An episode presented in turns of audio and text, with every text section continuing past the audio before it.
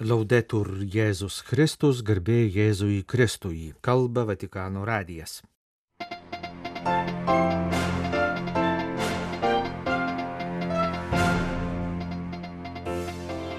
Ketvirtadienį popiežius aplankė Romos parapiją, susitiko su Sielovadoje tarnaujančiais kunigais. Penktadienio rytą popiežius susitiko su piligrimais iš Filipinų.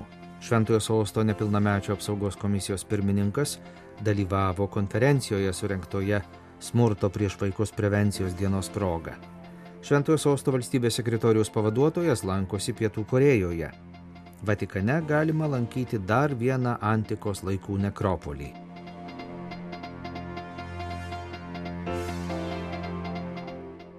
Popiežius Pranciškus ketvirtadienio popietę aplankė švenčiausiosios mergelės Marijos svetingumo motinos parapiją Romos miesto rytinėje periferijoje ir susitiko su 40 kunigų tarnaujančių šios miesto dalies parapijose. Susitikimas truko apie pusantros valandos, buvo kalbamasi silovados temomis. Prieš grįždamas į Vatikaną popiežius susitiko su septyniomis migrantų šeimomis, kurias priglaudė jo aplankyta parapija. Šiemet sukanka 50 metų nuo pietų Filipinų Ozamizo arkivyskupijos įkūrimo. Šią progą 120 šios vyskupijos tikinčiųjų ir kunigų su savo vyskupu išsirengė į piligriminę kelionę po Europos Marijos šventovės. Jubilėjinę piligrimystę jie pradėjo penktadienio, lapkričio 17 rytą Vatikane įvykusio susitikimo su popiežiumi. È giusto celebrare il vostro giubileo d'oro in questo modo, con un pellegrinaggio. Sveikindamas juos popiežius sakė, kad piligrimystė tai iš tiesų labai tinkamas būdas švęsti jubiliejų. Leistis į piligrimystę visų pirma reiškia pasitikėti Dievu. Į šventovę keliaujantys piligrimai širdyse atsineša savo tikėjimą, istoriją, džiaugsmus, nerimą, viltis ir asmeninės maldas. Šventovėje tikintis žmogus sutinka švelnę tėvo, kuris yra gailestingas visiems, meilę. E questa misericordia ci viene spesso manifestata attraverso la nostra Santa Madre Maria, che ci insegna ad accogliere Dio nella vita. Dievo gailestingumas mums dažnai pasireiškia per mūsų motinos Marijos užtarimą. Ji moko mus priimti Dievą į savo gyvenimą. Ji, kuri būtent todėl, kad yra motina, perteikia mūsų poreikius savo sūnui Jėzui, kaip tai padarė per vestuves Kanoje. Mergelė Marija mus moko, kad būti Jėzaus mokiniais visada reiškia klausytis jo žodžio, apmastyti jį širdyje ir nešti kitiems. Skubiai iškeliavusi aplankyti savo giminaitės Elsbietos, mergelė Marija tapo pirmąją mokinę misionierę, sakė popiežius, linkėdamas, kad ir ši piligriminė kelionė padėtų jos dalyviams sekti Dievo motinos pavyzdžių - būti mokiniais misionieriais.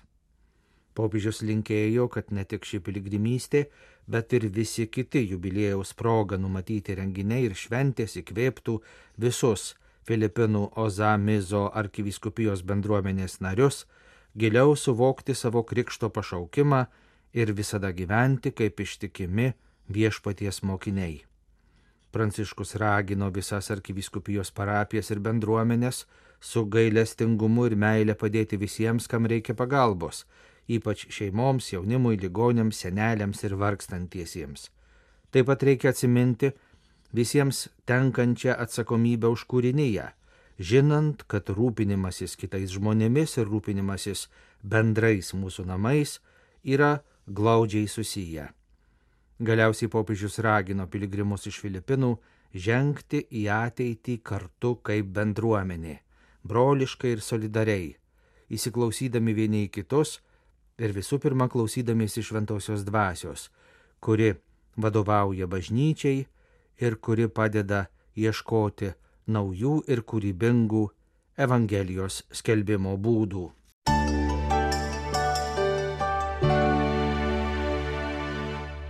Penktadienį lapkričio 17 dieną Italijos ambasadoje prie Šventojo sosto Romoje buvo surinkta konferencija Sekmadienį lapkričio 19-ąją minimos Tarptautinės smurto prieš vaikus prevencijos dienos proga.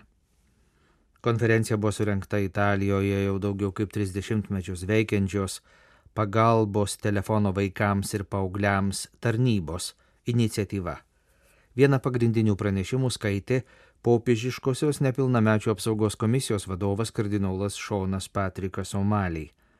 Renginyje dalyvavo ir popiežiaus valstybės sekretorius kardinolas Pietro Parolinas. Tarptautinė visų formų išnaudojimo, prievartos ir smurto prevencijos diena - tai proga dar kartą pabrėžti, kaip svarbu įsiklausyti į tuos, kurie patyrė prievartą ir kurie dažnai jaučiasi izoliuoti ir nedrįsta kalbėti, su skausmu prisimindami praeitį, kuri apsunkina dabartį ir kelia grėsmę ateičiai, kalbėjo kardinolas Aumaliai. Pasak kardinolo, kiekviename istorijos etape visuomenės, vyriausybės ir institucijos, įskaitant bažnyčią, patiria išbandymus, per kuriuos tenka saugoti savo narių gerovę ir saugumą. Vienas rimčiausių dabartinio meto iššūkių yra užtikrinti vaikų ir jaunimo apsaugą. Bažnyčiai daug žalos padarė ir tebedaro daugybė aplaidumo atvejų, kai buvo nepakankamai rūpinamasi pažeidžiamiausių jų apsauga. Ši tragiška tikrovė privertė subrandinti samoningumą, kuriuo dabar bažnyčia gali dalytis su kitomis institucijomis ir organizacijomis, bei su žmonėmis dalyvaujančiais bendroje kovoje su išnaudojimais. Visada reikia atsiminti, kad tik rimtai ir atidžiai įsiklausant į tuos, kurie nukentėjo nuo šių baisių piknaudžiavimų, ypač į vaikus ir paauglius, yra įmanoma kurti bendrą strategiją, kuri padėtų veiksmingai reaguoti į iššūkius, su kuriais susidursime ateityje, sakė kardinolas. Korejos valstybė ir katalikų bažnyčia Korejoje iškilmingai paminėjo dvišalių diplomatinių santykių su šventojų sostų 60-asias metinės. Iškilmėse Korejoje lankėsi ir popiežiaus sveikinimą perdavė šventojo sosto arkivyskopas Edgaras Penjapara, valstybės sekretoriaus pavaduotojas bendriesiems reikalams pagal pareigas, antras svarbiausias asmuo Vatikano valstybės sekretorijate arkivyskupas Seule lapkričio 17 dieną inauguravo naują parodą garsiosios Korejos kankinių šventovės Seosomuno muziejuje. Sveikinimo kalboje prisiminė, kad 2014 metais kelionės Korejoje metu tada dar statomoje šventovėje lankėsi popiežius Pranciškus Parodoje meilės ir taikos visiems eksponuojami dviejų šalių santykių istoriją liudijantys dokumentai, įskaitant pirmąjį Korejos Respublikos diplomatinį pasą, popiežiaus Šventojo Jono 23-ojo apaštališką į laišką, kuriuo įsteigta Korejos katalikų bažnyčios hierarchija ir Šventojo Pauliaus VI bulę. Seosomuno kankinių šventovė skirta XIX amžiuje Džosono karalystėje nukankintų per 10 tūkstančių katalikų atminimui. Šią ir kitas keturias garsias katalikų kankinystę Korejoje menančias šventovės sujungia piligriminis vienybės kelias. Seosumuno šventovė kelio pabaigoje kviečia tikinčiuosius susimastyti apie savo tikėjimo būklę, ką reiškia eiti pirmtakų kankinių pėdomis ir kaip sekti jų pavyzdžių. Vatikano valstybės sekretoriaus pavaduotojas Edgaras Penjapara pastebėjo, kad šventovė labai svarbi Korejos katalikų bendruomeniai, nes šioje vietoje korejiečių protėviai paliudijo ištikimybę tikėjimui iki kraujo praliejimo. Parodą jis pavadino tvarių dvišalių santykių testamentu. Ji liudija kultūrinių mainų ir abipusio sutarimo svarbą ir gilesnių dvišalių ryšių puoselėjimą patikino šventojo sosto arkivyskupas. Seulo arkivyskupas karmelitas Peteris Sun Taik Čungas parodos atidarimo progą sakytoje kalboje akcentavo didelę Vatikano įtaką formuojant Pietų Korejos šio laikinę istoriją. Anot jo, plačiai nežinoma, tačiau Vatikanas reikšmingai prisidėjo prie krašto, tarptautinio pripažinimo ir įsitraukimo tarptautiniu mastu. Popiežius sveikinimo laiške per valstybės sekretorių Pietro Paruliną išsakė vilti, kad dvi šalių santykių įnašas į korejiečių bendrojo gėrio kūrimą per pastaruosius 60 metų bus tęsiamas ir kad diplomatiniai ryšiai padės stiprinti susitaikymą ir taiką Korejos pusėsalyje. Tanzanijos kardinolas 63 metų Protazas Rugamva, taboro arkivyskupas koadjutorius, nuo penktadienio tapo šios arkivyskupijos metropolitu popiežius penktadienį patenkino kardinolo pirmtako taborę arkivyskupo Paulo Runandzagos Ruzijokos, kuriam sausio pirmą dieną sukako 75 metai prašymą atleisti iš ganytojo pareigų. Kardinolas Protasas Rugamba yra buvęs tautų evangelizavimo kongregacijos dabar dikasterijos sekretorius. Šias pareigas Romos kūrijoje ėjo nuo 2012 iki šių metų balandžio mėnesio. Šių metų rugsėjo 30 dieną popiežius jį paskyrė kardinolu. Tanzanijos dvasininką 1990 metais kunigų išventino šventasis Jonas Paulius II apaštališkosios kelionės į Tanzaniją metu. 2008 metais jis buvo konsekruotas Kigomos vyskupu. Kardinolas Rugamba yra dviejų Romos kurijos dikasterijų narys evangelizavimo, pirmojo evangelizavimo ir naujųjų vietinių bažnyčių skyriuje, kulto ir sakramentų tvarkos. Naujasis taboro arkivyskupas metropolitas yra trečiasis Tanzanijos kardinolas ir vienas iš dviejų šiuo metu esančių. Tiek jis, tiek jį vyskupų konsekravęs kardinolas Polikarpas Pengo, dar Salamo arkivyskupas pagal amžių yra galimi konklavos popidžiaus rinkimų dalyviai.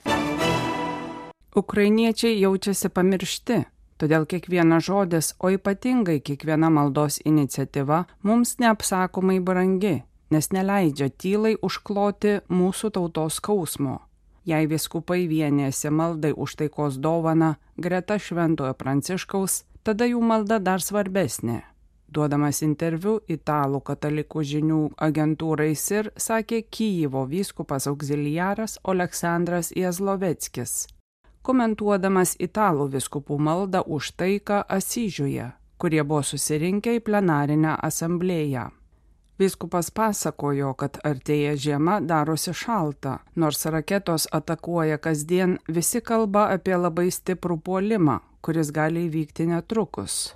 Taip gyvename, kesdami artėjančios žiemos šaltį, nuolatinėje baimėje dėl to, kas gali įvykti bet kurią akimirką. Vyskupas Jezloveckis pasakoja, kad yra daugybė vargstančiųjų dėl karo. Visų pirma tie, kurie karo metu prarado artimą žmogų Karo pradžioje žmonės pasakodavo apie žuvusius draugus ar pažįstamus. Šiandien Ukrainoje nebėra šeimos, kurios nebūtų tiesiogiai palietęs gedulas. Apverkiami žuvę vyrai, broliai, vaikai. Šie praradimai paliko giliausias žaizdas. Kitas vargo veidas tų, kurie kare prarado viską. Ukraina nebuvo skurdi šalis. Žmonės turėjo namus, darbus. Prasidėjus karui prarado viską Kai kurie žmonės buvo priversti bėgti iš savo namų, pasimdami tik mažą lagaminą. Yra daugybė pabėgėlių. Apie 8 milijonai ukrainiečių pabėgo iš savo šalies. Jų daug, juos prieėmė kitos šalis, bažnyčios Europoje, Italijoje. Už tai esame dėkingi, sakė Kyjevo vyskupas auxiliaras. Vis tik ateitis neaiški. Mums reikia pagalbos. Be Europos ir Junktinių Amerikos valstijų apsaugos neišgyvensime. Mes ilgimės taikos. Melskitės už taiką, ragina Kyjivo vyskupas Aleksandras Jezloveckis. Po to, kai COVID-19 pandemija buvo priverstinai sustabdžiusi dalį bažnytinės veiklos ir sakramentų teikimą, Belgijoje vėl ėmė daugėti krikštų ir santokų. Tai atsispindi Belgijos katalikų bažnyčios ataskaitoje. 2022 metais buvo pakrikštyti 43 327 žmonės. Tai yra 17 procentų daugiau nei 2021-aisiais. Palaimintos 6947 santokos, Tai 72 procentais daugiau lyginant su 2021-aisiais. Belgijos viskupų konferencijos paskelbtame pranešime pažymima, kad šis padidėjimas daugiausia susijęs su daugelio žmonių atsisakymu švęsti šiuos svarbius sakramentus per pandemiją, kai siekiant išvengti užsikrėtimų plitimo buvo taikomi fizinių susibūrimų apribojimai. 2022 metais taip pat padaugėjo maldininkų, lankančių sakrales Belgijos vietas, ypač keturias švenčiausiai mergeliai Marijai dedikuotas šventovės - Šerpenheuvelio, Ostakerio, Bano, Boreno šventovės, kurios per metus priėmė 1 270 tūkstančių lankytojų. Abatijose padaugėjo nakvynių, jose apsistojo daugiau nei 130 tūkstančių žmonių.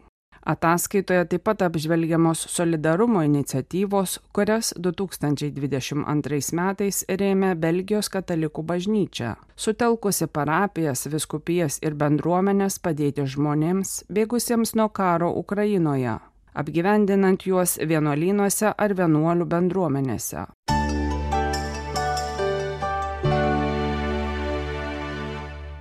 Antikos laikų nekropolio Vatikane prie triumfo kelio administratoriai informuoja, lapkričio 14 dieną atidarytas naujas įėjimas, kurio bus paprasčiau lankytis istorinėse romėnų laikų kapinėse.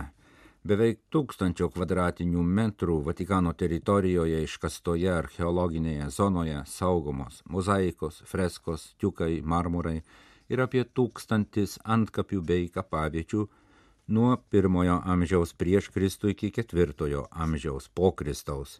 Nuo šių metų lapkričio 14 dienos nekropolio prie triumfo kelio lankytojams atvertas įėjimas per Rizordžimento aikštėje esančius Šventosios rožės vartus. Lankytojai kviečiami įsigyti įėjimo bilietus per oficialią Vatikano muziejų svetainę, kurioje galima užsisakyti taip pat bendrus bilietus į Vatikanų muziejus ir nekropolį arba į Vatikanų sodus ir nekropolį. Nekropolio lankymo dienos penktadieniai ir šeštadieniai. Nekropolis prie antikos triumfo kelio atkarpos Vatikano teritorijoje yra prie pat kito dar garsesnio nekropolio prie Kornelijaus kelio, kuriame aptiktas apaštalo Šventojo Petro kapas Šventojo Petro bazilikos požemiuose. Jis irgi lankomas įėjimo į Vatikano bazilikos nekropolį bilietus galima užsisakyti Vatikano bazilikos priežiūros žinybos fabriką di San Pietro internetinėje svetainėje.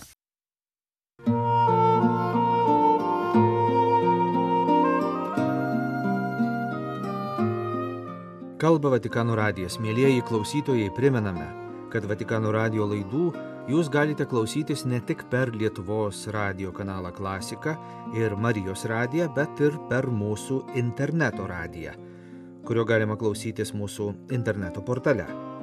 Vatikano radio lietuviškasis kanalas veikia visą parą be pertraukos. Jo laidų tinklelyje žinios lietuvių kalba, liturginės valandos, rožinio malda, mišios lotynų kalba ir klasikinė muzika. Primename mūsų interneto portalo adresą vaticannews.va lt. Jūs klausėtės Vatikano radio žinių laidos lietuvių kalba. Atsisveikiname iki rytojaus. Laudetur Jėzus Kristus.